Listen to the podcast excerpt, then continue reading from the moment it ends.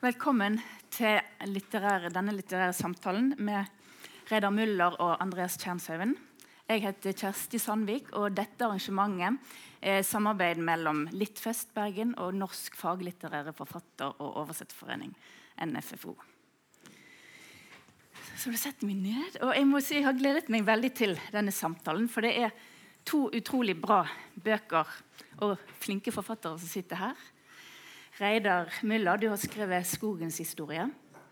Og jeg må få gjenfortelle litt av det som du sa når jeg snakket med deg på forhånd. For du sa Først så hadde du tenkt å skrive som geolog så hadde du tenkt å skrive en bok om havets historie. Men så kom havboka ut, og da var den tatt. Følte du? Det var litt sånn hoppeter, ja. ja. Så da gikk du til skogen.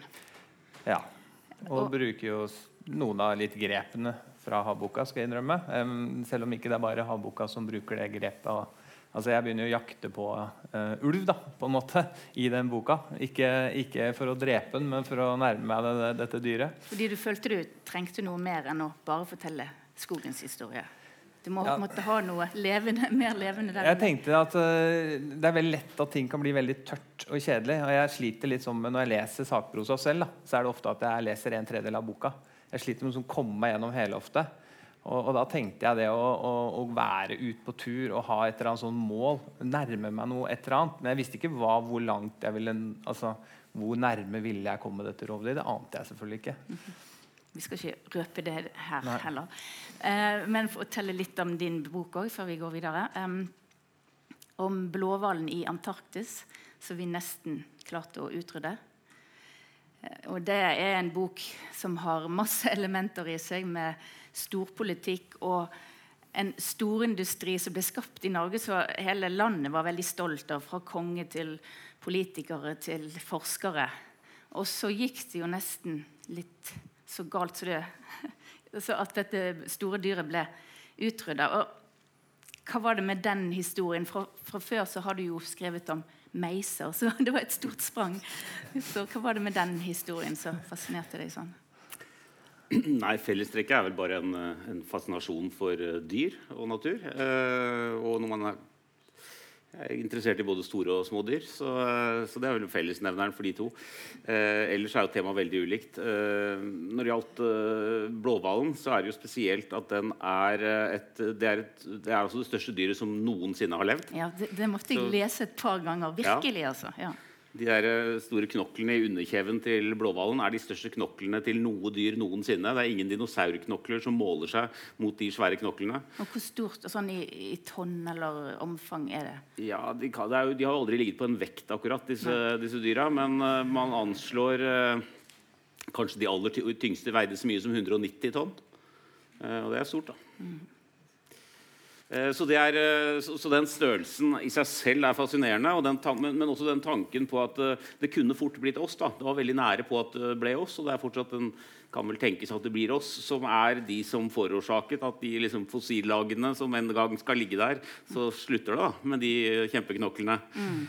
det er det noe fascinerende over, og det var vel litt av fascinasjonen. Og så er blåhvalen et dyr med en helt særegen tilknytning til Norge. Navnet blåhval som brukes på de fleste språk, tror jeg. Det er, eh, det er, et norsk ord som kom til. Eh, den første som brukte det, var hvalfangstpioneren Sven Foyn sent på 1800-tallet. og har kommet inn gjennom fangsthistorien da, mm. over hele verden. Så det er et dyr som Norge har et spesielt forhold til. Og det var uh, akkurat den lille biten av den industrielle revolusjonen, altså da man tok dampkraften og rifla kanoner og sånne ting inn i hvalfangsten, det var det uh, Norge som sto for. Mm. Den næringen ble, den moderne hvalfangsten ble grunnlagt i Norge. Mm. Så det er en uh, norsk historie som jeg syns var verdt å fortelle for et norsk publikum mm. på norsk. Og, og, og, du har en veldig formidlingsglede i, i din bok. Eh, men du, som geolog så kunne du like godt skrive om havet som skogen. så eh, jeg prøver jo å være Jeg, jeg syns det er viktig for oss som naturvitere da, eh, at vi prøver å ikke bare begrense oss for de små temaene. Så jeg tok doktorgrad på hvordan slam transporteres som leire Nei, ja, sand, leire transporteres som slam. Og er, du, du, går så i detaljer på, på, det man forsker på. Så det er liksom så deilig når man skriver bøker at man kan på en måte ta opp de store temaene. Og det har jeg prøvd å gjøre i de to bøkene jeg har skrevet nå. Forrige handlet om Nor hvordan Norge har blitt til.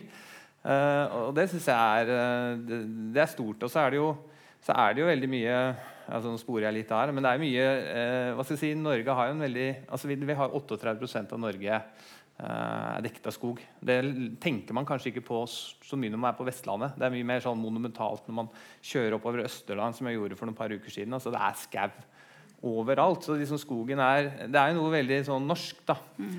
tenker jeg. Så det var jo en grunn til å angripe dette temaet på en måte. Og så har det, en, så har det også en Det er litt sånn tankevekkende å tenke at skogen var faktisk Det fantes ikke skog i Norge rett etter siste istid. Det er ikke lenger enn 12 000 år siden så var, liksom, var Norge skrapt. Mm. Altså, fantes ikke det eneste levende vesen her. Det mm. var 2000 eh, meter med is over hodene våre. Altså, selv her. Så det, det er på en måte en sånn det er litt sånn tankevekkende. da.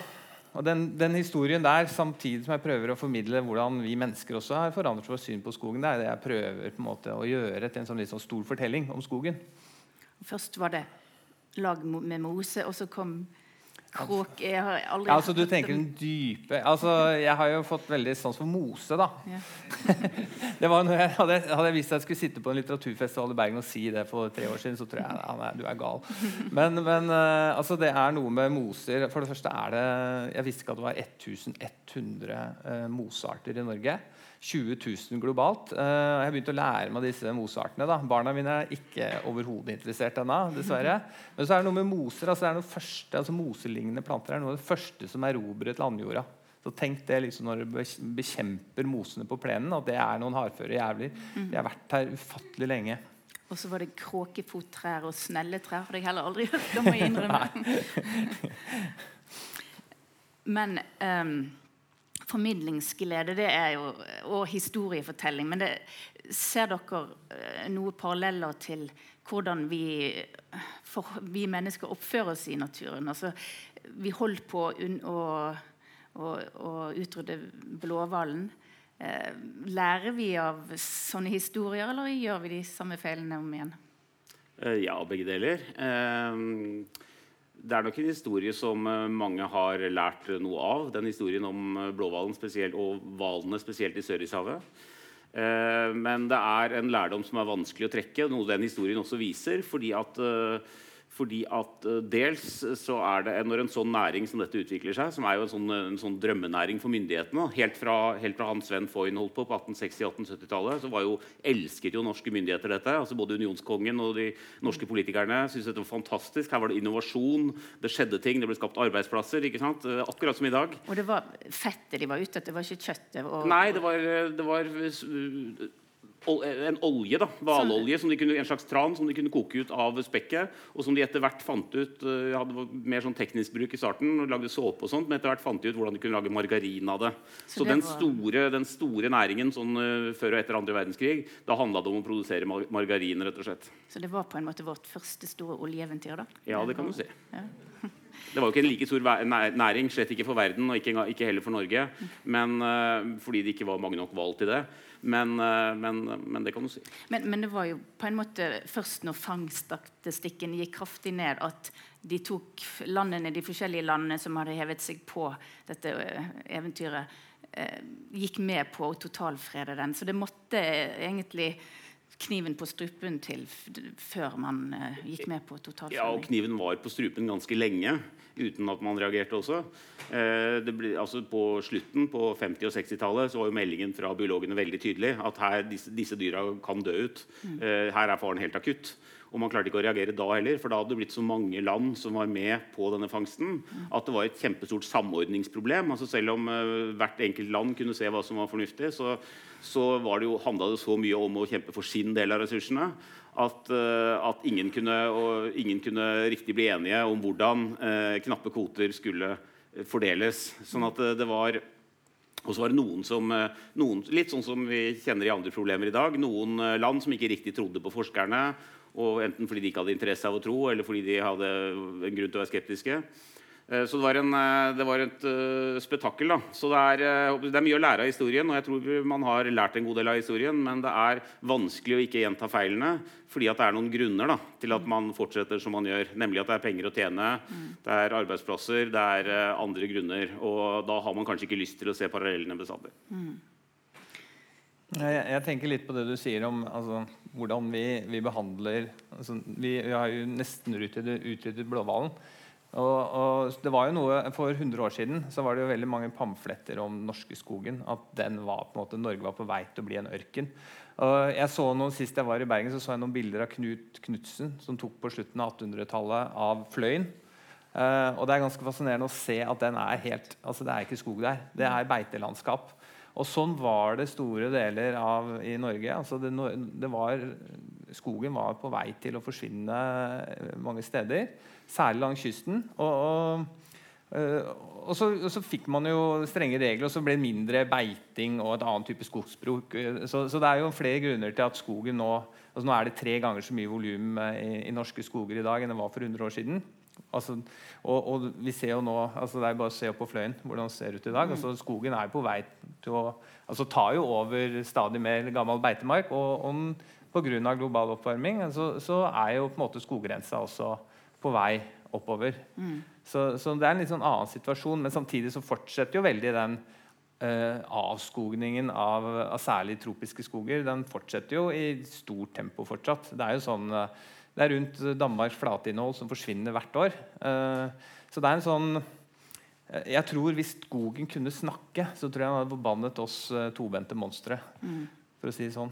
Og, og, og, vi har ikke stoppet ennå. Det er litt sånn urovekkende når du ser det nå er det jo, nå er det jo nyhetene ganske jevnlig om at uh, altså insektdød uh, globalt, uh, pattedyr, amfibier osv. Så, videre, så så forsvinner rekordtempo. Og det er jo en del at de mister habitatene, rett og slett. Og det er jo bl.a.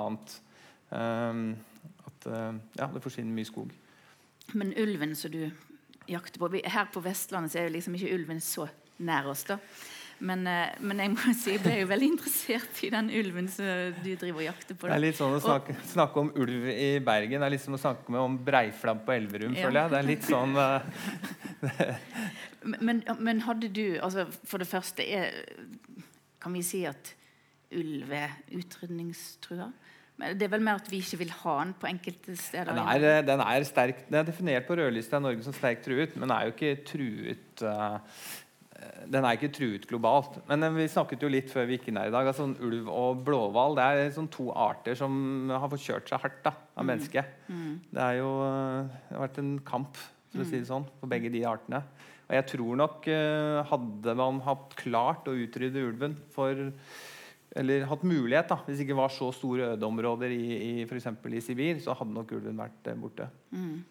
Men du skriver litt om, det, litt om det i den boken din at når det gjelder den ulvedebatten, litt innom den også, så, eh, så, dreier det seg om de som vil helst ha den vekk fra sauene sine og fra nærområdet som ungene leke i og gå på sko skoleveien til ungene. Og så har du liksom sånne som kanskje du representerer, som er akademiker som sitter eh, og, ser på dette med en, en annen interesse og syns at det er mm. viktig. Vi må jo ha et mangfold. Og... Jeg tenker at, uh, at jeg, ikke, jeg, ikke, jeg, jeg, mener at det er riktig at man tar ut ulv som tar sau. Altså, jeg er ikke helt sånn jeg er ikke sånn for og imot. Jeg prøver å være ganske balansert i, i min bok på akkurat det spørsmålet. men men uh, det er jo to helt ulike natursyn som møtes. da. Det er denne her utnytte all natur er for mennesket. Uh, og, og, som nok representerer som jeg tror mange, så mange som bor ute på bygdene, de står for den. De er ute i skogen, de jakter, de har, vil ha løshundjakt. De, de, vil, de, føler at ulven er en trussel mot det livet. og så har du oss som tenks, kanskje Når du leser Andreas sin bok, da, så jo, tenker du liksom hvor hardt vi har fart med naturen. Så da får du jo litt en sånn følelse at eh, jeg tror den der mer verning og det at vi har et etisk ansvar for, for arter på denne jorda, det er jo altså to helt sånn diametralt motsatte syn. som jeg, jeg, tror nesten helt umulig at vi klarer å møtes. altså at vi kan møtes. så Derfor tror jeg den, den konflikten vil jo bare fortsette og fortsette. Men, men den, det vernesynet, det, opplever dere det er noe nytt som er liksom av nyere tid, eller har menneskene alltid tenkt litt sånn at vi må Bare ta én kjapp, så skal du få prate. Nei, altså, Jeg, jeg synes det var litt morsomt når jeg leste introen din i dag, eh, i dag morges. så Altså det at eh, de på 1885 skre, eh, sa i Stortinget at det var vel ikke så nøye om de utrydda blå... Altså, du har mm, sikkert mm. sitatet med korrekt. Altså, det var ikke så nøye om man utrydda denne blåhvalen. tenker jeg, Det er jo litt sånn som å høre Senterpartiet av og til nå. da, sånn, Er det noe poeng? Altså, Vi kan jo egentlig bare, trenger jo ikke ha ulv i, i Norge og Sverige. Altså. Mm. Men, men, det er en forskjell. og Det er det er vel ingen uh, norske politikere tror jeg, i hvert fall ikke fra Senterpartiet, som sier at de ønsker at ulven skal utryddes som art. Mens det han, uh, de, de, sier at vi ikke trenger han i Norge, for det er så mange av dem andre steder. Eh, ja. Det han karen sa i 1885, ja. ja, uh, stortingsrepresentant fra Møre og Romsdal, det var at han sto og spekulerte på om er det så farlig egentlig om den forsvinner fra jordens overflate, denne mm. hvalen. den kan jo være fin å fange, men det er jo ikke så viktig. Og er det da så farlig? Var det han sto og spekulerte på? Så det, en, det er jo en forandring som har skjedd. Mm. Men samtidig fascinerte det meg å lese de gamle stortingsdebattene allerede tilbake på 1880-tallet, at det allerede da fantes folk som argumenterte for at det var viktig å bevare eh, hvalen. Eh, de, de, snakket om at den kunne spille en rolle i naturens husholdning. Eh, at det kunne skje uforutsette ting. altså Dette var det zoologer som hadde skrevet, men som ble tatt opp av eh, typisk av venstrerepresentanter på Stortinget. At den kunne spille en rolle i naturens husholdning. At det kunne skje uforutsette ting hvis den ble borte, denne hvalen. Mm. Ofte hvalen bare uspesifisert uten å, uten å, nevne art, men noen ganger var, var man mer detaljert og gikk inn på én og én art. Og så allerede i, i tidlig på 1900-tallet så ser jeg folk som sier at uh, og vi må ta vare på hvalen ikke bare fordi at, uh, på grunn av hva den kan ha å si for fiskerier eller for, for hva som skjer, men fordi at den har naturhistorisk interesse. Det er et fantastisk flott dyr osv. Igjen så er det en venstrerepresentant som snakker, og han er jo i mindretall. Det er jo de færreste som snakker om sånt. De fleste argumenterer enten for at hvalen er bra fordi at den er for, god for fiske, eller at uh, hvalen er uh, først og fremst god, for å fange, og derfor skal vi fange så mye vi kan. Uh, og det er, nok ikke så farlig. Så det er Mesteparten av debatten gikk der. Men de fleste synspunktene som du kan høre i, i, debatten, de kan du også høre i debatten helt tilbake i dag. Det kan du høre helt tilbake til 1880-tallet og, og tidlig 1900-tall. Og det overrasket meg litt og interesserte meg. Du hører vel kanskje fiskere i dag også vil si at vi må ta skyte mer hval fordi de spiser så mye fisk? Så. Ja, faktisk var jo Fiskernes anliggende i Nord-Norge på sent 1800-tall var jo det motsatte. Nemlig at de mente at hvalen hjalp dem. Og at de var veldig sterke hvalfangstmotstandere. Eh, hvalen i Nord-Norge ble totalfreda i, eh, i 1903, eller gjeldende fra 1904. Og det var pga. 30 år med kamp fra nordnorske fiskere mot hvalfangsten som var en sørnorsk næring som tok med seg arbeidskraft og utstyr fra Sør-Norge hovedsakelig, og kom og, og fanga hval oppe i Finnmark. Og Det var en kjempehard kamp med sabotasjeaksjoner og greier. Eh, og, og, og, trusler om, eh, om, at det kunne føre til løsrivelse fra, av Finnmark fra Norge og jeg vet ikke hva. Eh, og som endte med en totalfredning pga. fiskernes kamp mot hvalfangst den gangen. Altså. Men blåhvalen er ikke tilbake på Finnmarkskysten? Ikke på Finnmarkskysten. Det er mer av den eh, på Svalbard, hvor den også ble, ble borte eh, etter kraftig fangst. Eh, så den tar seg opp i Nord-Atlanteren, men den har ikke funnet veien tilbake til Finnmarksfjordene, hvor hele dette hvaleventyret, den moderne hvalfangsten, starta. Mm. Men det er, ja, det er litt interessant det med det er litt det samme med skog. Med, eh, på 1600-tallet og 1700-tallet så var det jo, eh, var jo i, Gustav Vasa hadde jo, det var dødsstraff for å eh, hogge en eik ulovlig. Altså Hvis du gjorde det for tredje gang, så var dødsstraff store bøter for første gang. Men, eh, så, og det var jo ene alene at eika eller skogen hadde en verdi for krigsindustrien den gang. Altså Det å ha eik var på en måte det viktigste Uh, viktigst for å bygge krigsskipene. Også, også, viktig for vikingskipene for øvrig. Da, for å spore av litt. Men, men um, så, så, blir jo på en måte etter hvert utover 1700-1800-tallet så får jo skogen mer en sånn estetisk verdi. Sånn som Fontainebleau-skogene utenfor Frankrike. En av de første skogene som blir, blir fredet. Da, og da er det kunstnerne som tenker at det har en altså den er vakker, skogen. Altså, så, noe, så, så, det der er også endret seg eh, over tid. Da. Og, så, og nå har vi jo mer den verne skogen fordi det er arter altså vi, vi, har jo 80% av eh, globale artsdiversiteten er jo knytta til skog. Så det er også en sånn fra et mer sånn nytteperspektiv på skog, derfor skal vi ta vare på den, til et mer sånn skogen har en verdi i seg selv. Eller, og så skriver du om skogbading i boken din. Ja, skogbading, ja. Jeg prøvde det forleden sjøl. sånn. ja. Nei, men skogbading er jo er, Japanerne har noe som heter shinrin-yoku. Og, og, de forsker mye på det, hvor viktig skog og det å gå i skog er for måte, immunforsvaret, senking av stress, hjertet. hjerte altså, Litt mindfulness, rett og slett? Ja. Mm. Men, men, det er klart at uh, vårt forhold til skogen har jo endret seg altså ganske voldsomt over tid. Da. Hvis du ser sånn I 1400-1500-tallslitteraturen så var jo skogen et fryktsomt sted. altså Du skulle helst holde deg unna skogen utenom man måtte gjøre det helt nødvendige. altså Skaffe tømmer, skaffe ved. så skulle, altså Skogen var ikke et sted man gikk sånn og nøt på kveldstid og lå alene i telt og skulle kose seg. Det var, det var, et, det var et skummelt sted. Var, der var det der var det nisser og troll, og, og det, det, var en utbredt oppfatning. Det er ikke noe som det er ikke noe bare som stammer i folkeeventyrene. altså Olavs Magnus, som skrev historien om de nordiske folk i 1555, han er jo altså, han er overbevist om at det fins troll i, i gruvene. Eh, varulver som brøt, altså Han skriver om varulver som bryter seg ned i kjelleren til folk. Så det er på en måte en sånn Eh, vi har jo forlatt den, på en måte. Og nå er jo skogen blitt sånn Guds tempel og et sted vi skal slappe av. Og det er så deilig å ta en tur i skogen og finne mening og, og ro. Mm. Med unntak av noen som kommer til meg noen ganger og sier sånn Jeg syns skogen er fortsatt ganske skummel. Mm. Så det er, jo, det er, jo, fortsatt lever jo det litt i oss.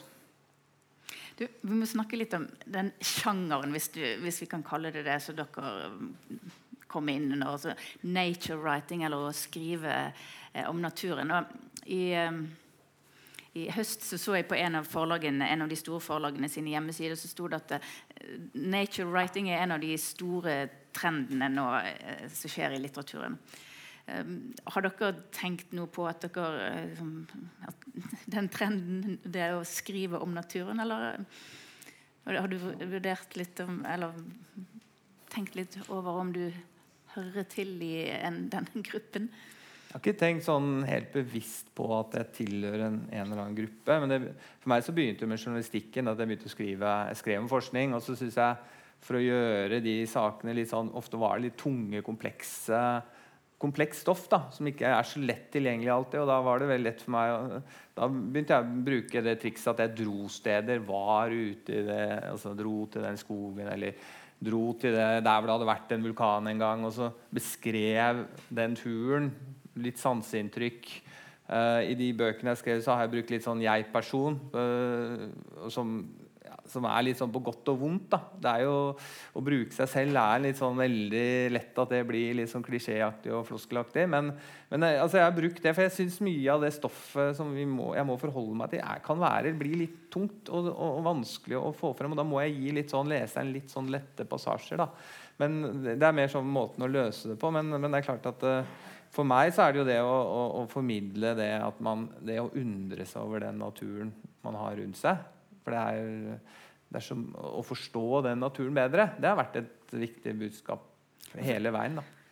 Mange, mange, eh, romaner som egentlig man kunne sagt var sakprosa, så skriver man roman på det. Men kunne, du, kunne din bok vært altså Kunne det vært motsatt? At, du, at din bok var du kunne skrive roman på din bok? Ja, det hadde jeg aldri turt. Nei. Det er mer ærefrykt for den Sånn. Ja, det syns jeg. Ja.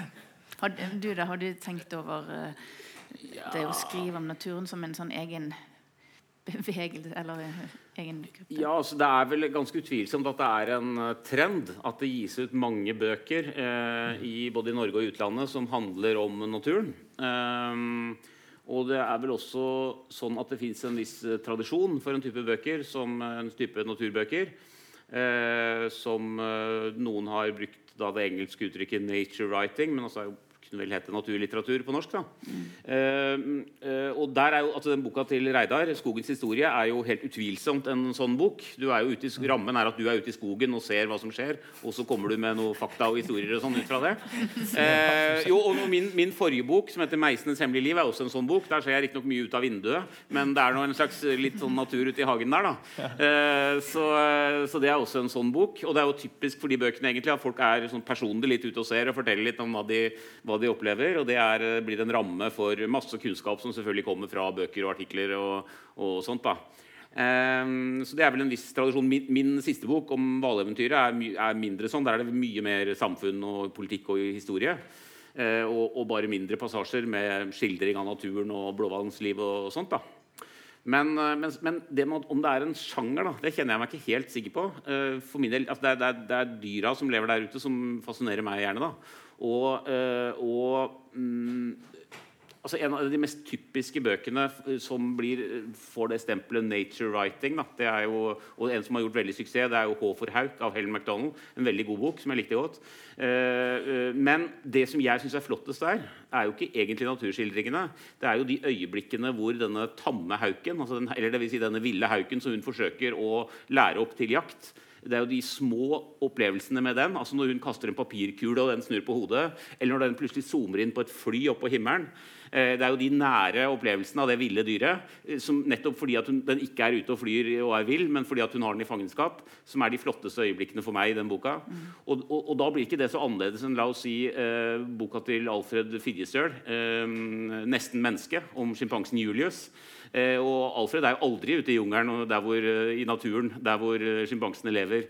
Men han skriver om folks møte Eh, eh, andre menneskers møte med en sjimpanse som er genetisk lik som de ville sjimpansene, men som har en helt annen oppvekst. Mm. Og igjen så er det liksom glimten av det ville og av naturen inni uh, dette dyret i en situasjon hvor den er sammen med mennesker, som for meg er opplevelsen med denne boka. Og de, de, er ganske like for meg, de, de opplevelsene der. Mm. Og da er det ikke så viktig for meg om rammen er at noen går ut i skogen og ser, eller om rammen er at noen opplever et dyr i en annen kontekst. Så Eh, så det med at det skulle være en helt særegen sjanger, det med litteratur hvor man er i naturen som et sted, da, altså ute, eh, det kjenner ikke jeg meg 100 igjen i. Men tror dere det er mer behov for den? Altså, hvorfor er denne sjangeren hvis du skal kalle det en sjanger, eller denne type bøker da, så populær nå? Det, har det med å gjøre at vi stadig på nyhetene får høre om arter som forsvinner, og, og insekter, planter, smådyr, stordyr altså at eh, Jo mer som vi, dette går opp for oss, jo, jo sterkere blir søken tilbake til naturen, og at vi ønsker å lære mer om det som vi kanskje er i ferd med å ødelegge. Det, kan det være noe av grunnen til at den type bøker er populære nå? Vi får jo høre at de selger, denne type bøker selger veldig godt på internasjonale bokmesser. Det, det, er liksom det er den type litteratur man ser etter når man skal finne litteratur til å oversette fra, fra Norge, f.eks. Jeg tror det er, eh, Bekymringen er en del av det, men jeg tror like viktig er eh, en sånn, eh, en sånn, litt sånn tilbake til naturen-mentalitet. At man har lyst til å at man, at Nettopp fordi at livet vårt blir mindre og mindre preget av, eh, av, naturen. Av vær og vind og mørke og lys og, og, og, trusler og opplevelser og alt mulig fra, fra, den ytre naturen. Fordi at vi bor, bor, bedre og bedre og tettere og tettere og sånt.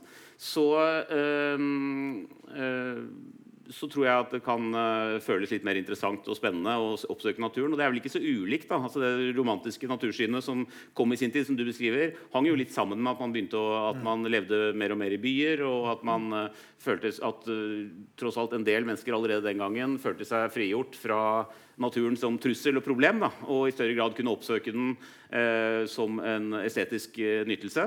Og um, i, i, dag så er jo det sant i veldig mye større grad for veldig mange flere mennesker.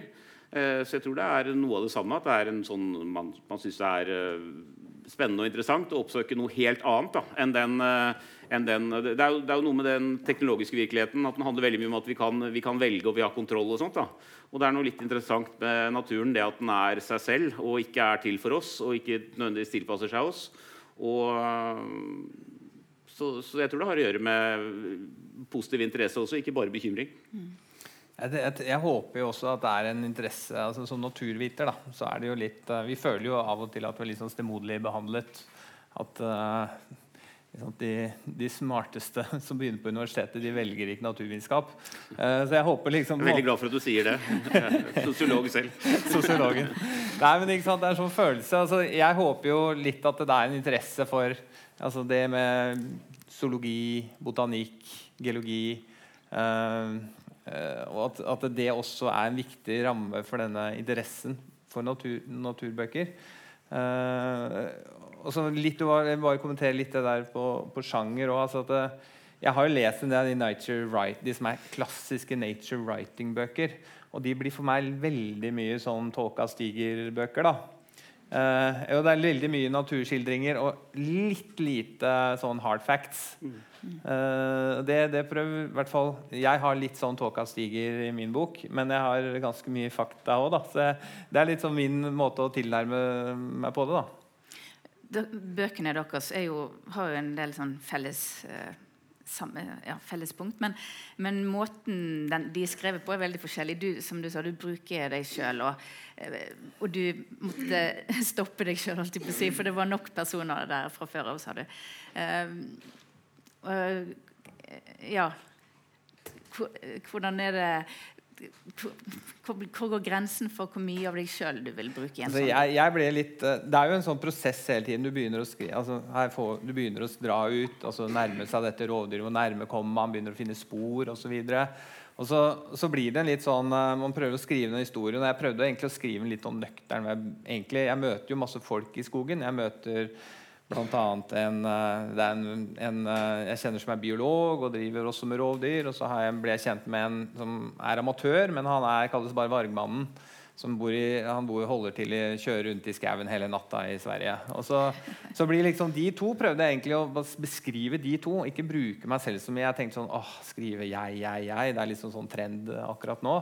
Uh, men så, så ble jeg veldig altså Forlaget ble veldig sånn ja, må, Den røde tråden må bli deg her. Og så ble det liksom at jeg måtte bare utvikle det så langt jeg kunne. da, rett og slett, For å få dette her til å henge sammen. For det ble mange historier. mange, ikke sant? Jeg prøver å skrive om alt som handler om skog fra den oppstår for 385 millioner år siden, til, uh, til, vårt syn i dag og hvordan avskoging pågår i dag. Og prøve å presse det inn i 265 sider er litt sånn Da må man gjøre noen grep. da du, du kalte dere for nerder. Men jeg må jo si den der eh, svensken som bruker hele sitt liv på å kjøre rundt og lete etter ulvespor og se ulver. Det er ganske det, Han er nerdete. Ja, men så Ja. Eh, eh, liksom nå har jeg fått litt sånn kjeft av noen når jeg sier at det er nerdete. Altså sånn, det er ikke nerdete. Det er veldig mange som er opptatt av dette her. Hvis du Sitter, jeg satt og så på TV på i går, på lørdags, lørdags-TV. Det gjør jeg aldri. På hotellet i går. Og, og, da var liksom Det de viser liksom i primetime NRK, for meg er jo helt sånn absurd at folk sitter og ser på det. Altså jeg er jo, I forhold til det så er jeg jo liksom utenfor det som er normalt, kanskje. da så, men, men, han er jo helt ekstrem, på en måte. Altså, er ute i skogen døgnet rundt. Uh, samler på arter. altså Reiser ned til Skåne for å se etter små biller. Som, som, og det, Da kjører han åtte timer ned til Skåne. og Så holder han på der og leter etter det og, og finner det ikke. og Så er det tilbake en uke etter. og så, sånn holder han på mellom jobb og, og familie. da og til slutt så kommer han over den scalbagen da, eller den bilen. Og så er det jo det fantastiske. Han er så fornøyd over det. Men så, du blir jo litt sånn hekta på det selv òg. Så jeg har jo blitt litt inspirert av den måten å se naturen og, og liksom jakte litt på å se spesielle arter.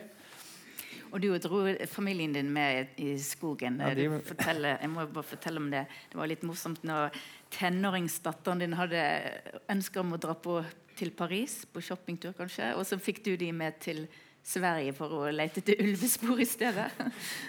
Ja, det var, men det var en fin opplevelse. Altså det å, å, ha disse bybarna inn i skogen, og, og de ja, Vi sto der og vi urte litt, og, og de var jo livredde. altså Det med mørket. Det er jo også noe annet. Det kommer det en bok om mørket nå, leste jeg. Men så det å stå i sånn helt mørk skog er jo veldig uvant for folk. Mm.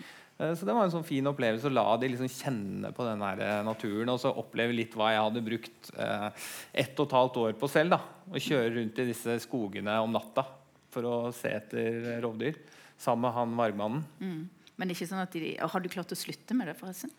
Nei, det det liksom Problemet er jo at jeg tenkte ja, ja, det er kul gimmick. Og, ja, eller ikke kul gimmick, det var jo noe som ble til boka etter hvert. Men det, det var jo, meningen var jo å ikke altså, Etter boka var ferdig. Men jeg, jeg er jo veldig hekta på å dra ut og det, sånn, det, det, som er fint å se etter ulvespor eller oppleve det, er jo å, at det er et mål med turen.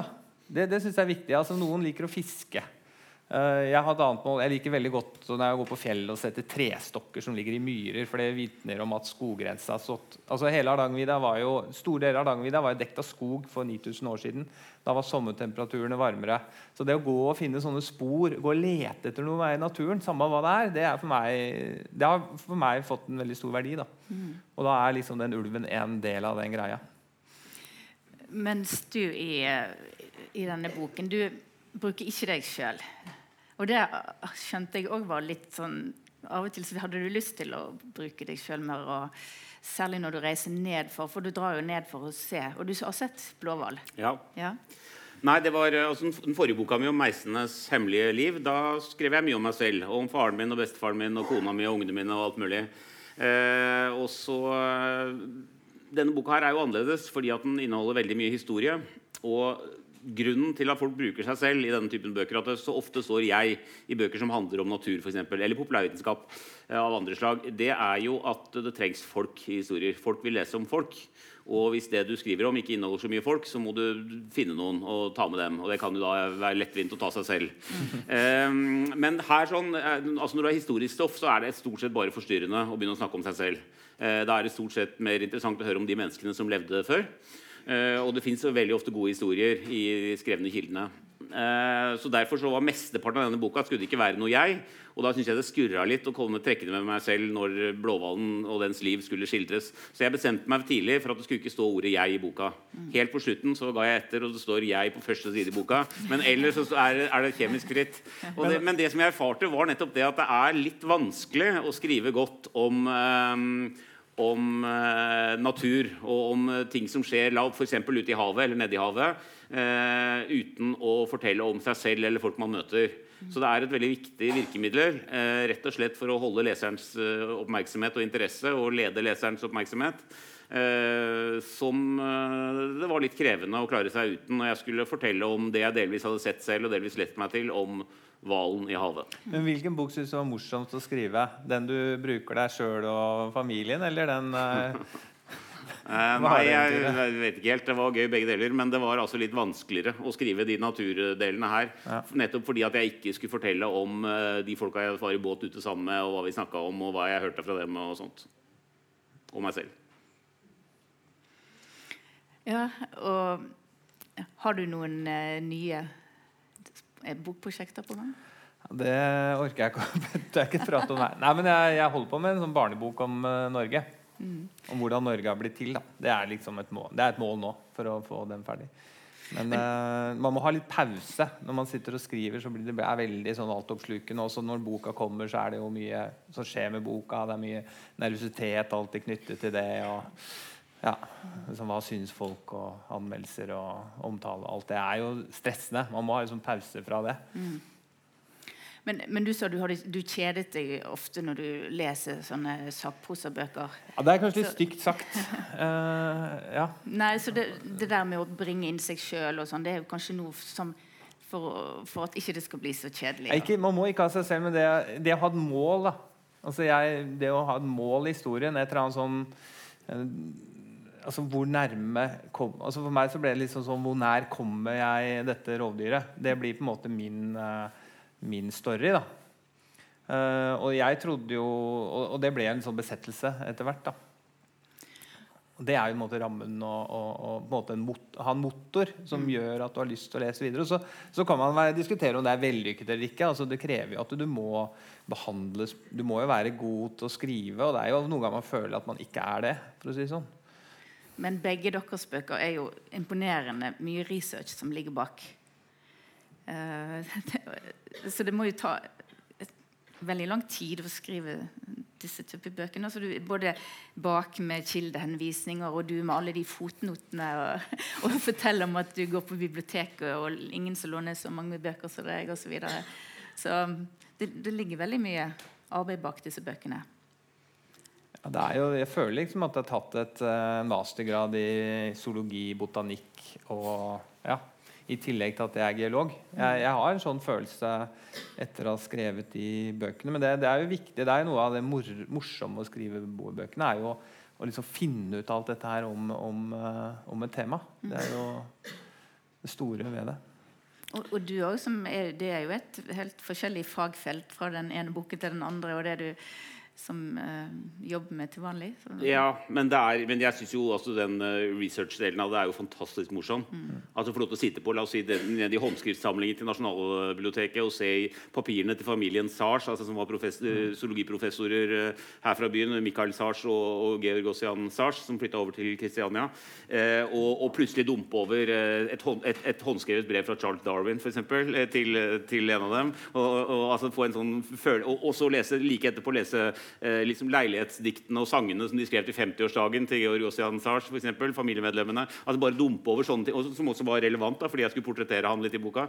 Eh, og, og, få lov til å få den nærheten til kildene. Eller lese, eller, lese intervjuer som ble gjort på 80-tallet med veteraner fra hvalfangsten, altså folk som har vært arbeidere i hvalfangsten i Sørishavet, som beskriver arbeidsprosessen sin, beskriver hvordan de hadde det, hvordan det var å være borte fra familien, hvordan det var å komme hjem igjen. Eh, altså Få den nærheten til menneskene og stoffet er fantastisk spennende. Og kunne bruke arbeidstid på å på å undersøke sånne ting som uh, hva slags lyder hvalene lager, uh, om de har fargesyn, eller, eller hva, hva, du har. da. Uh, det er Det er Jeg trives veldig godt med det. da. Så jeg må si den, den, delen av det er også veldig flott. Ikke bare å skrive, men også å lese og lære. Mm.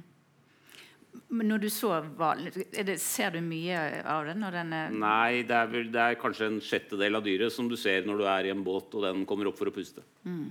Vanligvis. da. Mm. Hvis den ikke er veldig opphisset. Så det er, eh, det er en gang i året når det er paringstid, gjerne. Og, de, og det er eh, mer enn eh, det er to eller enda mer hvis det er tre individer til stede. Og det, det har jeg aldri opplevd. Jeg så du hadde bilde av hvalpenis i boken. Ja. ja.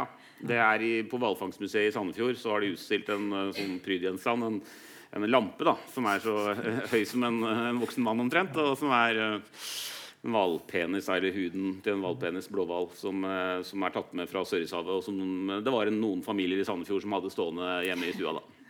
Jeg tror nok kanskje det kan ha vært noen diskusjoner mellom ektepar også om eh, hvorvidt man skulle ha sånne stående i stua, etter, etter ryktene jeg hører. Kom du over noe sånn veldig sånn fun facts når du gjorde research? Nei, altså, ja, jeg synes jo Som f.eks. det med Jeg kan få sånn enorm glede når jeg sitter og kommer over noe, sånn som eh, nå i forbindelse med Amundsen-filmen, f.eks. Altså, eller før den eh, kom ut. Altså, men, men uh, sånn som når jeg leser om Scott-ekspedisjonen, f.eks., som da kommer over fossile blader midt inn på Antarktiskontinentet. Da kan jeg få sånn Så fantastisk. Altså, her har disse kjempet seg fram helt dit, og de er på vei tilbake. De er helt utslitte. De er frostbitte. Um, den ene på, den ene er skadet seg stygt, er på vei til å dø, og så stopper de da med en bren, da, en Beardmore-breen, og så står de og hakker liksom løs stein og putter det i en sekk og bruker, halv, bruker nesten en dag på det, mens, mens de er på en måte de er, de er på vei til å, å, sånn, å omkomme ute i isødet, og så bruker de tid på det. Og så viser det seg at det beviser liksom det at det, det, har vært skog uh, på Antarktis. Så kan jeg få en helt sånn mm. Wow, tenk på det at selv det isødet har det vært. Altså de har det vært uh, vegetasjon, da, og, mm. at, uh, og, at, kontrastene til kloden er så store i historien. Eller jordens historie har så store kontraster. Mm vi må avslutte, avrunde. Så hadde jeg tenkt å spørre deg om noe for når jeg leste den boken, og du begynte med den ulveulingen, så var jeg veldig nysgjerrig på hvordan det høres ut. Får vi en liten demonstrasjon? Jeg prøvde å si til Andreas da må han drive og plystre på en hval. Ja, det får du etterpå. Først. Nei, nei Hvaler er jeg litt dårlig til. Den går jo, Blåhvalens stemme går jo egentlig dypere enn vi både kan, eh, kan lage og, og, høre. da Så Når det spilles av, så spilles det av i ti ganger hastighet. Og Da kan du høre det. Uh, og den er ikke så spektakulær. egentlig Den høres nesten som en ugle eller noe sånt. Det er noe sånn, oh, oh, den er veldig lav. Eller noe sånt. Den har sånn ganske enkle lyder. da De der berømte hvalsangene. Det er fra Knølhval. Ok. Så det er uh, Plystre meisene kan jeg, men jeg, jeg, tror, jeg tror vi heller får et ordentlig ulvehul, Det tror Ja, det, men altså, ja, det, det som er litt kjipt med den ulvehylinga, det er det at for det første så Det er jo litt sånn eh, Eh, Man fremstår jo litt som en sånn litt sprø fyr, da. Eh, det, men men eh, jeg har lest Arto, Arto Passolina. Han har jo en bok som heter 'Den ulende møller'. Og han blir jo da Han går, drar jo rundt og uler, da. Og han blir jo til slutt sendt på sinnssykeasyl da, fordi han driver og uler. Og det var det som skjedde på 1600-1700-tallet. Så ble jo folk eh, brent. Nei da. Men, men jeg står jo da Jeg står jo da ute i skogen ofte, da. Og så Første gang, det var da Jeg må stå, ellers så får jeg ikke liksom Det er litt sånn opera. Eh, først, første gang eh, så, så står jeg ute i skogen. Der Bargmannen står ved siden av meg her, og jeg står jo og, og småskriver i boken min, og han står og uler, og så plutselig vender han seg mot meg. Nå må du altså være med meg. ikke sant? Og jeg bare OK, jeg har ikke tenkt å være med deg og ule. Det er litt sånn flaut. Og så jo, må, nå må du også være med. Og så så begynner jeg litt sånn? Og han bare Det høres ut som helt jævlig ut. Det er som å lære en unge latin og hele greia. Han gjør narr av meg. Og så sier han du må ta fra magen. Og så blir jo det en sånn greie mellom oss da, at jeg er jo også med han og uler. Ta den her. Det er liksom viktig, da. Jeg uler ikke langt fra så bra som han. Og jeg eh, og hvis, ja, hvis du hører uling oppe i fløyen, så er det meg. Det er ikke som har. Men det er litt sånn eh, veldig viktig å ha mye luft i magen. Og så, og så advær. Det er lenge siden jeg ula nå. Jeg har ikke ula på en uke, tror jeg.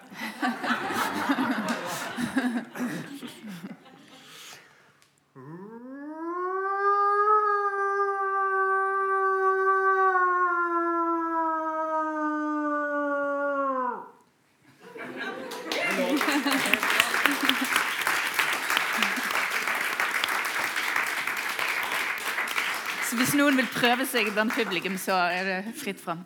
Ellers takk for at dere kom.